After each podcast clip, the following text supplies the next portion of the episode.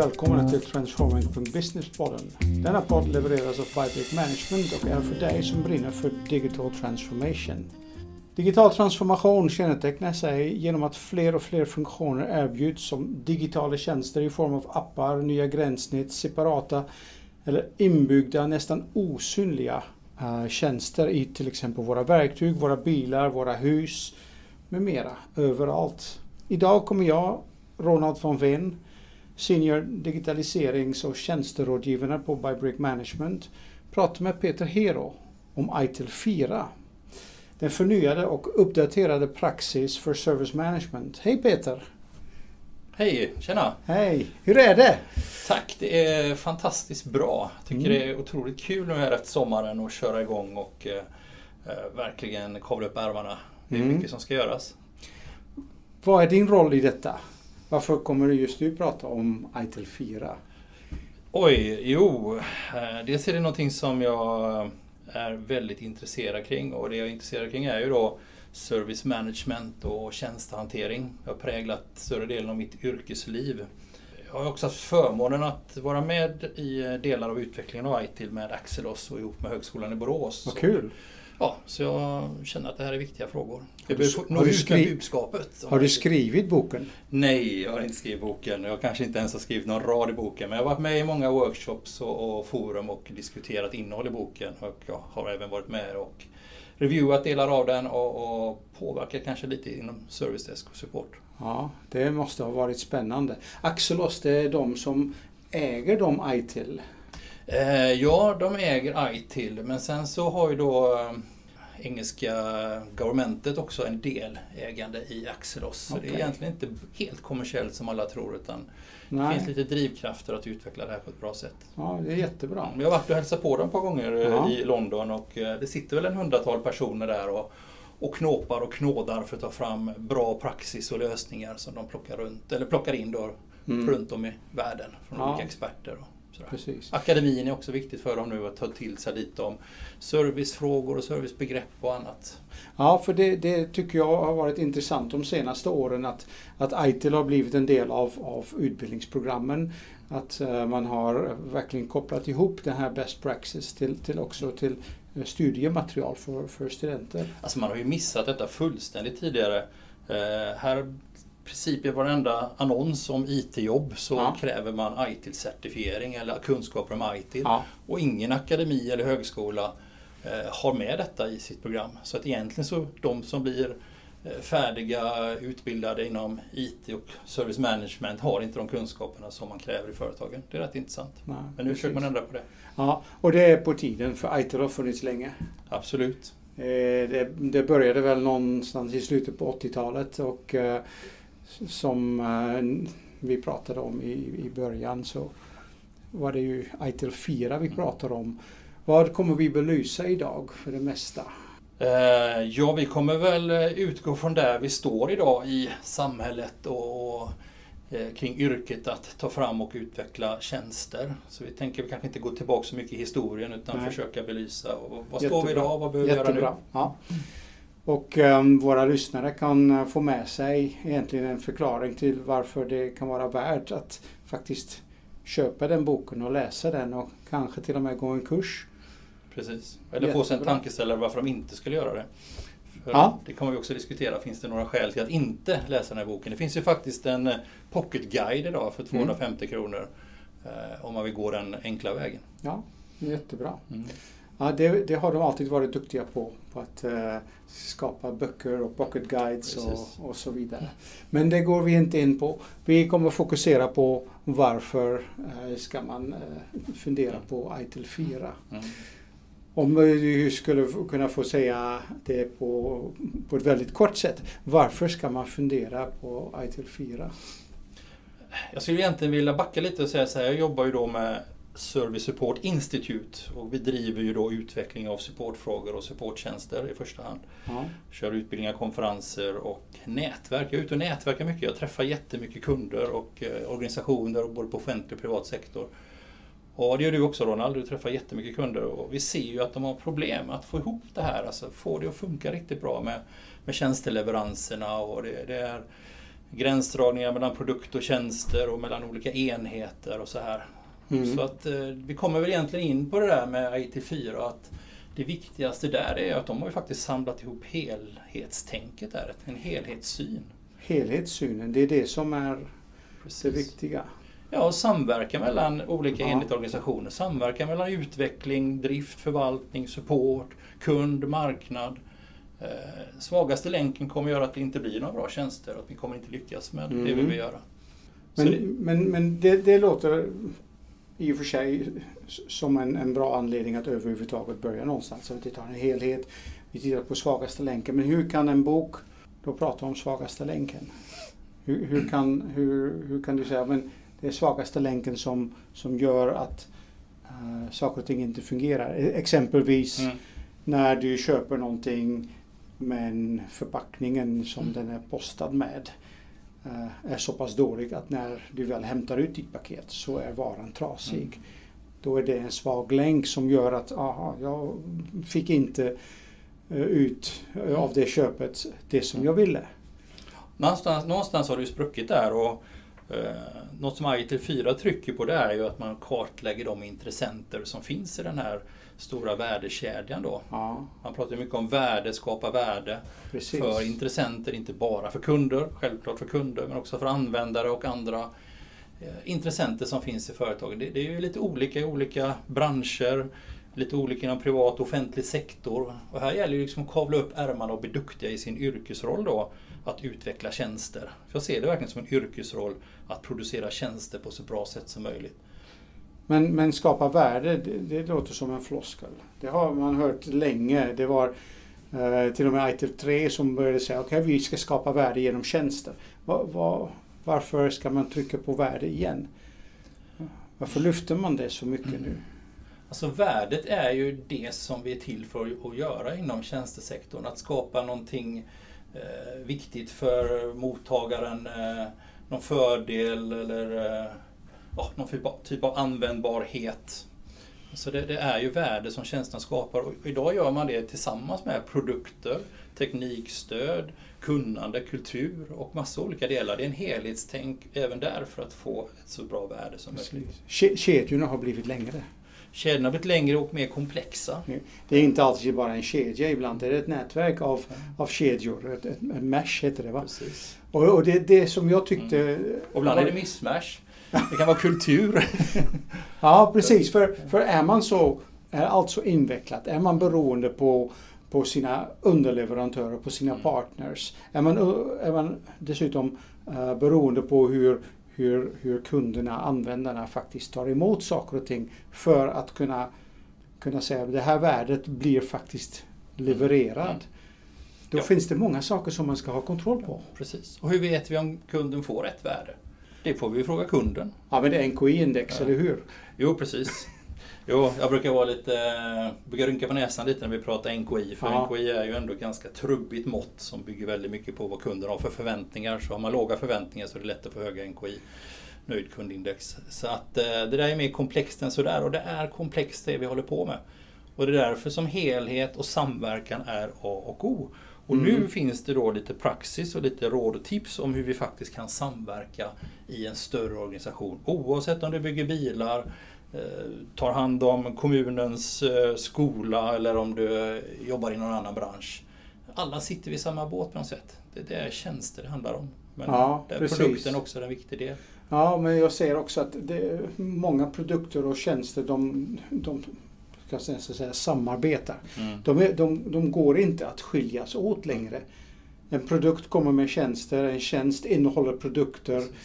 Vad är det som avgör vad? Hur, hur upplever man då kvalitet? Hur upplever man att det är värdefullt? Det är väl bara att gå till sig själv. Eh, jag kan ju känna då som är, brinner för det här med tjänster att eh, de som har jobbat med utveckling och produktutveckling och, och sitter och knappar kod och sådär kanske mer varit intresserade just av att ta fram fräcka, flashiga produkter.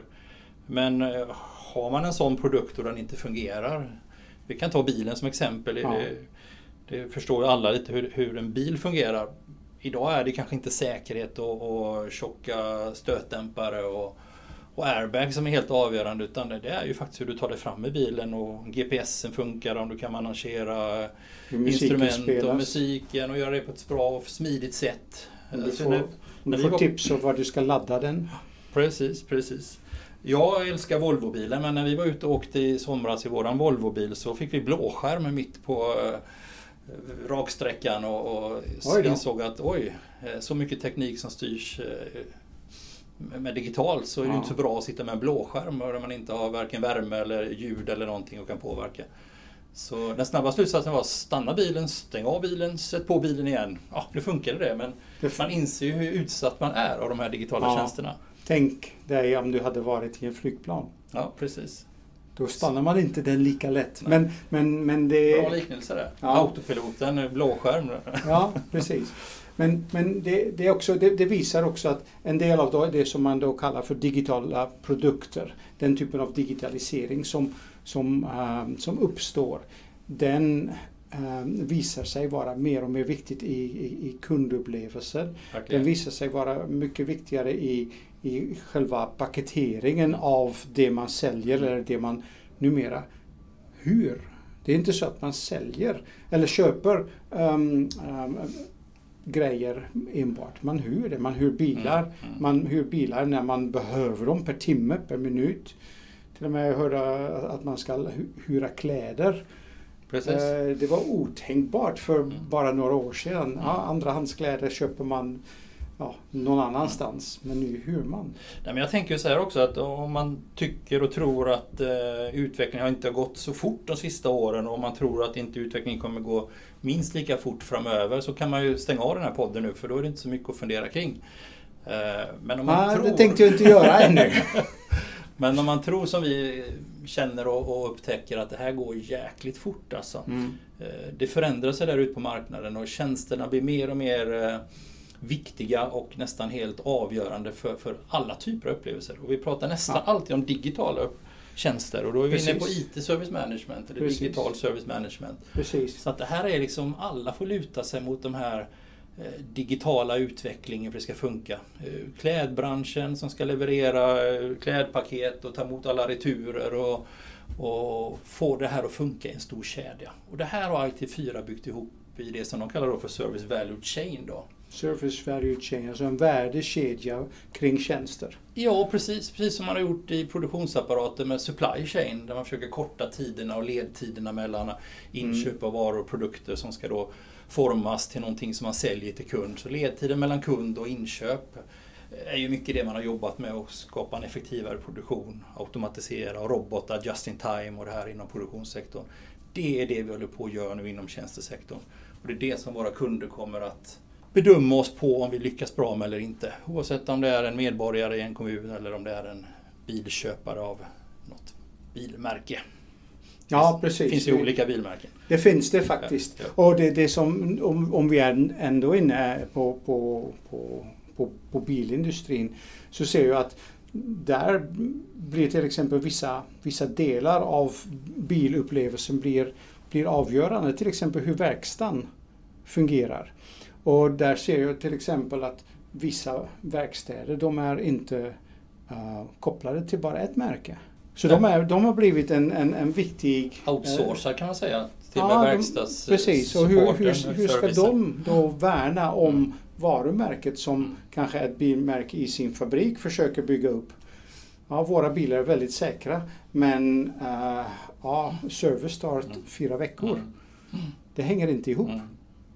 Nej men så är det och ännu värre kan det vara om man sitter på IT-sidan och inte har uppdaterat eh, licenserna med 4G-leverantörerna i Asien eller Nordamerika och, och det helt enkelt släcks ner GPS-lösningar. Jag kan se hur folk kör vilse där i Peking eller i New York och, och svär över själva tjänsten eller bilen då faktiskt. Hur bilen inte fungerar, precis. precis. precis. Så, så så, så varumärket blir helt plötsligt beroende på de här digitala tjänsterna på ett yes. helt annat sätt. Precis. Och nu så. måste vi managera dem så klokt och effektivt som bara möjligt. Och det här har IT4 då verkligen, eller Axelos som utvecklar IT4, verkligen lagt manken till att samla in de erfarenheter som finns runt om i världen.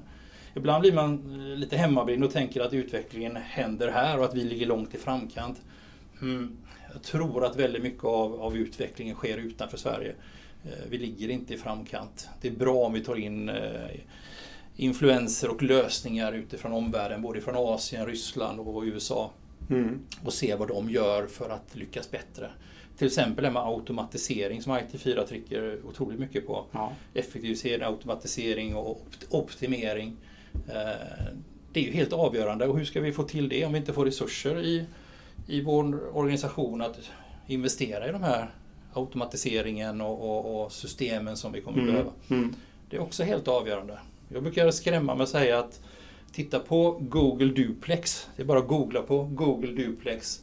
Så har man tagit fram en eh, tjänst som kan ringa upp och boka bord på restaurang, boka klipptider. Mm. Och den som svarar då på restaurangen eller frisörsalongen har ingen aning om att det är en robot som ringer. Nej, så precis. hur långt borta är det om man tittar, man har sin mobiltelefon, Amelia och allt det där tills vi har en assistent i mobilen som kommer ringa runt till eh, dagisköer eller vad det nu kan vara eller eh, man ska köpa en TV och man vill kartlägga marknaden och priserna. Kanske man använder sin robotassistent. Tänk om vi sitter manuellt och mm. hanterar robotar som vi inte ens vet är robotar. Så vi måste ju också automatisera och se till att man får bort alla de här incidenterna och problemen så mycket det går men också när de uppstår att vi hanterar dem automatiskt och kanske med självguidningar och allt hänger ihop. Så det är återigen helheten. Mm. Och en förståelse för att det krävs investeringar för att klara av helheten. För svagaste länken kommer att ställa till mycket problem. Ja precis och då är vi inne igen i den här äh, värdekedjan och, och de aktörerna där i. För det är inte längre ett ett till ett förhållande mellan en leverantör och en mottagare av, av, av tjänsten. För redan inom mottagaren finns det olika roller och uh, olika nyttjare av, av en och samma tjänst. Sen finns det andra leverantörer, partners. Precis. Sen finns det andra typer av uh, interaktion. Ibland är det maskin till maskin. Mm. Är det en tjänst? Ja, det är en tjänst. Mm. Men ska maskinen då fylla i en NKI frågeformulär? Nej, den kommer helt enkelt stanna om inte tjänsten fungerar Precis. på bra sätt. Mycket har ju inte fungerat eh, om man har lutat sig helt och hållet mot IT tidigare versioner, version 2 och 3. Nej. Det har funnits mycket brister och det har vi både som jobbar med det här på konsultbasis och på andra sätt upptäckt. Och, eh, man har försökt att lösa det här på olika sätt. Mm. Tidigare så pratade man om life cycle till exempel. Ja. Eh, det var ju bara en enda stor cirkel med continual improvement på utsidan. Ingen, ingen start och ingen slut Nej. heller. Men det har vi nu på ITIL 4, eller hur? Ja, det stämmer. Och kundfokus i, i det hela har, har belyst, även om det beskrevs i de böckerna, um, så tycker jag ändå att det, det belystes. Det var där att man som, som, som konsult ibland kunde göra skillnad. Att vi hjälper dig att tolka de här fem stora böckerna. Mm. Nu har det släppts bara en bok mm med då den här eh, pocketguiden. Men man började också med att lägga ner grunden för hela tänket på ett helt annat sätt. Det tycker jag också är en skillnad mm, från ITIL 4 jämfört med, med, med de tidigare versionerna. Nu har man faktiskt sagt okej, okay, vår, vår koncept är så här. Det här är vad vi bygger på och sen resten kommer så småningom. Eller hur? När, när, när, när var det tänkt att nästa, de kommande böckerna skulle komma ut? Eh, alltså huvudparten kommer eh, våren 2020. Men mm. nu till hösten kommer det ja.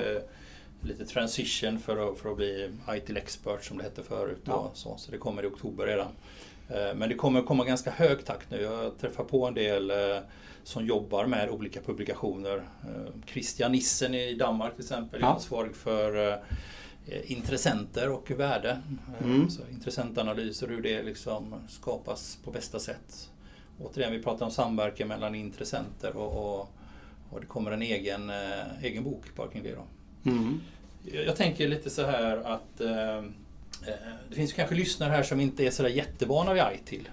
Mm, eh, de, det, de det har vi. Ja, det grundläggande som, som, man kanske ska skicka med här då att ITIL är ju ändå en samling av eh, terminologier och beskrivningar av olika procedurer. Och att man har ett gemensamt språk. Ja. Och det är också kopplat till ISO-standarden i världen. Det är alltså en internationell standard för hur vi definierar olika begrepp inom service management och IT-service, digital service management. Så alla kommer ju liksom att behöva ha detta på ett eller annat sätt. Det går inte att bortse från ITIL menar jag på. Eh, och de, merparten av alla företagsorganisationer i världen har ju detta då som gemensamt språk. Man kan inte sitta och uppfinna ett eget språk och tro att, att det skulle fungera för man har partners och andra man behöver samverka med. Det innebär också att det, de som redan har börjat och jobbar med ITIL, mm. de ska inte börja om. De Nej. ska kunna fortsätta. Så mycket som jag har förstått är att alla processer som man um, har jobbat med mm. finns kvar i väldigt liknande utsträckning. Precis. Så att har man fokuserat på att processorientera sig för att kunna leverera bättre tjänster så är det inget arbete som går förlorat. Nej, precis. Det finns inget skrämmande i det här alls egentligen att man skulle ha gjort någonting som man behöver kasta bort. Och det är väl det som är bra med, med de nya råden inom ITIL, att liksom börja där du står och, och var rädd om det du har. Och, och kartlägg det du har. Förbättra ständigt. Precis, precis. För det tyckte jag det var väldigt, väldigt intressant när man, när man började läsa. För mm. Det att continual improvement kommer tillbaka mm. flera, flera gånger. För att det är det som är egentligen den, den, den enastående drivkraft. Att vi ska göra saker och ting bättre än igår. Tittar man på continual improvements så tycker jag att det är mycket basic grejer och mycket sandlådenivå egentligen kring det. Men det är precis den nivån vi måste ner på. Vi ja. måste ju ta grunderna och se till precis. att de sitter. Precis. Eh, jag brukar fråga, känner du till era vision och era mål tydligt i verksamheten? Eh, det är ju skrämmande ja. många som faktiskt inte kan beskriva vad de huvudsakliga målen och visionerna är. Dels inom sin organisation men också inom sin enhet. Och Precis. då spricker det ju redan där. Det spricker där och sen om inte det spricker där så spricker det oftast i nästa. Hur tillämpar du den visionen till ditt arbete? Precis. Vad är det som du tar med som är viktigt? Mm. Så att, och, och, och då gäller det att ja, veta var du befinner dig för att kunna uttala dig om, om vi vill förbättra oss. Och, och hur vet man var man befinner sig? Vet de det där ute? Våra kollegor och våra kunder. Oftast har man inte riktigt bra koll och bra nyckeltal och bra benchmarking. Så man fumlar Nej. ganska mycket i mörker. Och ibland det... så inom, inom en och samma organisation så finns det olika typer av uh, bilder kring, ja men vi befinner oss här, vi gör detta jättebra och mäter på olika sätt. Mm. Nej, nej, men så nere i sandlådan tycker jag är en bra råd och börja lite från grunden. Och IT4 har ju några vägledande principer som de, de uh, proklamerar ut som jag tycker är värt att nämna faktiskt. De borde vi prata om i nästa podd. Nästa podd? Ja. ja, då gör vi det på nästa podd. För vi har kommit en bra bit på vägen nu. Vi har eh, egentligen berättat varför, varför ITIL 4 nu, nu har dykt upp. Vad som har orsakat till att man ja, att det skrevs. Att, äh, vilken, vilken nytta vi kan ha utav, av, av mm. läsa och applicera det som står där i produkter och tjänster som, som flyttar ihop i en, i en värld som förändrar sig eh, fortare och fortare. Eh, där det inte finns några tydliga gränser längre mellan vad är en produkt, vad är en tjänst. I vissa organisationer pratar man om digitala produkter som jag direkt säger, ja men det är ju en tjänst. Nej, nej, det är en digital produkt. Bara för att man styr på produktbegreppet. En fråga till dig eh, Harald. Ja. Tycker du att det finns någon anledning att vänta med att sätta sig in vad som finns att ta del av när det gäller ITIL 4? Ska man vänta, gå utbildning, köpa boken eller vad man nu väljer för sätt?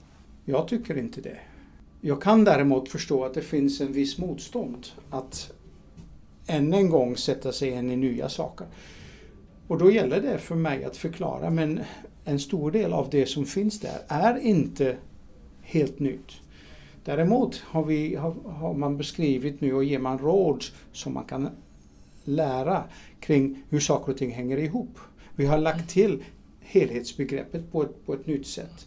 Det har hänt så otroligt mycket sedan eh, tidigare publikationer och incidenthantering och allt annat. Utvecklingen går så enormt snabbt och vi kopplas också ihop med produkter och marknad och verksamhet man måste sätta sig in i var vi står nu när det gäller utvecklingen av tjänster om man jobbar ja. i den här branschen och har det här yrket.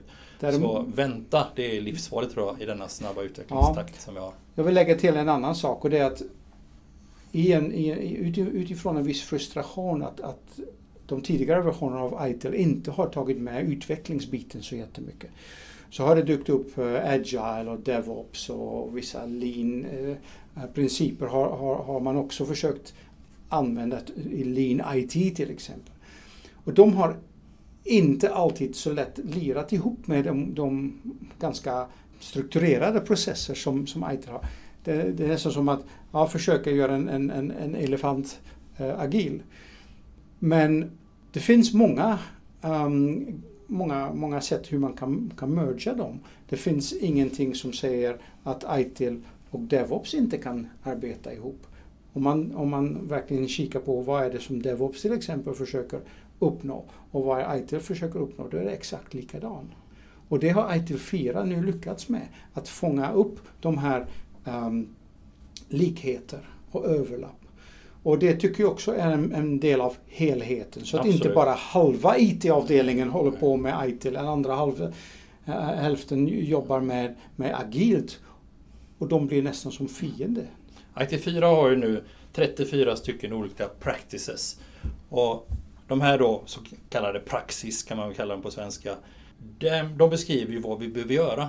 Ja. Men hur vi når dit och hur vi organiserar oss och mm. hur vi lyckas lösa de olika sakerna. Där pekar man faktiskt på Lean, Agil och DevOps-team. Precis. Och riktiga DevOps-team där alla är med, ja. även supporten. Precis. Jag tycker vi ska också belysa de praxis i nästa podd.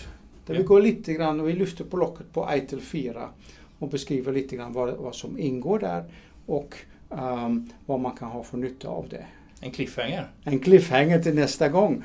Jag får tacka dig Peter för denna. Vi, um, vi hörs nästa gång. Tack själv.